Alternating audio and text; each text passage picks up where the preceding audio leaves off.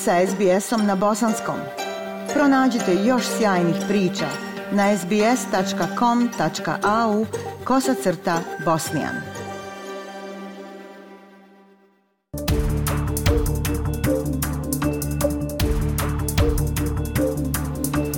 Slušate SBS program na bosanskom. Zaključavanja tokom pandemije covid u Australiji možda su doprinijela smanjenju prijavljivanja islamofobičnih incidenata širom zemlje.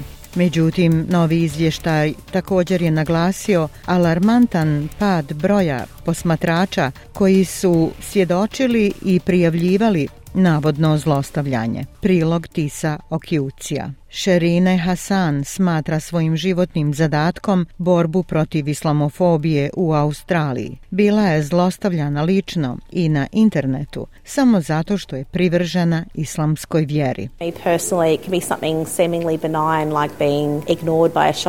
Za mene lično to može biti nešto najizgled benigno kao što je ignorisanje od strane prodavača ili može biti nešto mnogo ozbiljnije, poput primanja poruka mržnje na internetu. Dobitnica ordena Australije redovno provodi vrijeme dijeleći svoje iskustva sa studentima koji posjećuju Islamski muzej Australije. Sada su priče poput njene, objavljene u izvještaju Islamofobija in Australia, koji pokazuje da je broj incidenata pao sa svog vrhunca od skoro 350 u 2016. 17. godini na 90 slučajeva u 2020. 21. Također se pojačava i rodna pripadnost u islamofobiji, jer su više od tri četvrtine žrtava žene, a većina navodnih počinitelja učitelja muškarci. Sharara Ataji je pri organizaciji Islamofobia Register Australia. Ona kaže da je ranjivost ključni faktor u ovim prijavama zlostavljanja. Žene koje nose hijab očigledno su vrlo vidljivo muslimanke, lako ih je prepoznati.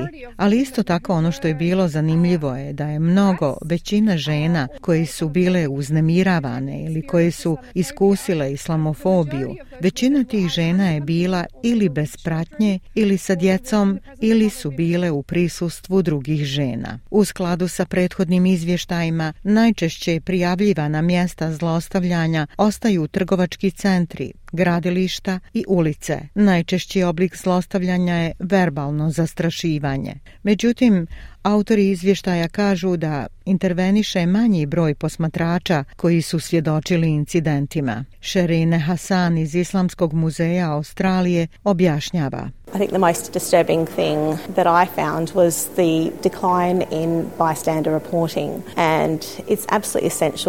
Mislim da je najuznemirujuća stvar koju sam otkrila bio pad broja svjedoka koji su prijavljivali incidente i apsolutno je neophodno da pojedinci koji budu svjedoci nekog oblika islamofobije kao treća strana učine sve što mogu da prijave taj konkretni incident vlastima. Biti na oprezu, zapisati registarske tablice. To je apsolutno bitan aspekt pokušaja da se pozabavimo ovim veoma ozbiljnim problemom. Islamofobiju osjećaju izabrani članovi parlamenta. Senatorica zelenih Mahrin Faruki bila je u državnom parlamentu Novog Južnog Velsa od 2013. do 2018. godine. Ona kaže da se zlostavljanje dramatično povećalo kada je ušla u savezni parlament 2019. When the Senate, it really intensified so much that often my staff would have to walk me back Um, Kada sam ušla u Senat, to se zaista toliko pojačalo da bi me moje osoblje često noću otpratilo do auta. Svaki doprinos koji dajemo je minimiziran i osporen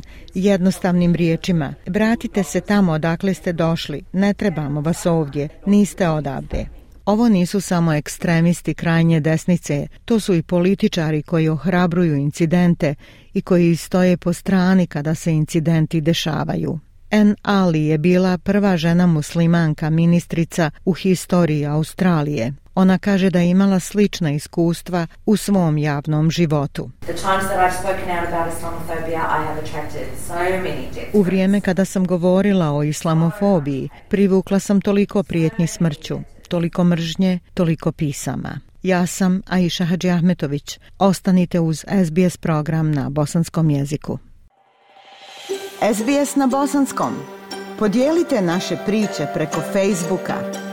Želite poslušati još ovakvih priča? Slušajte preko Apple podcasta, Google podcasta, Spotify ili kako god da primate svoje podcastove.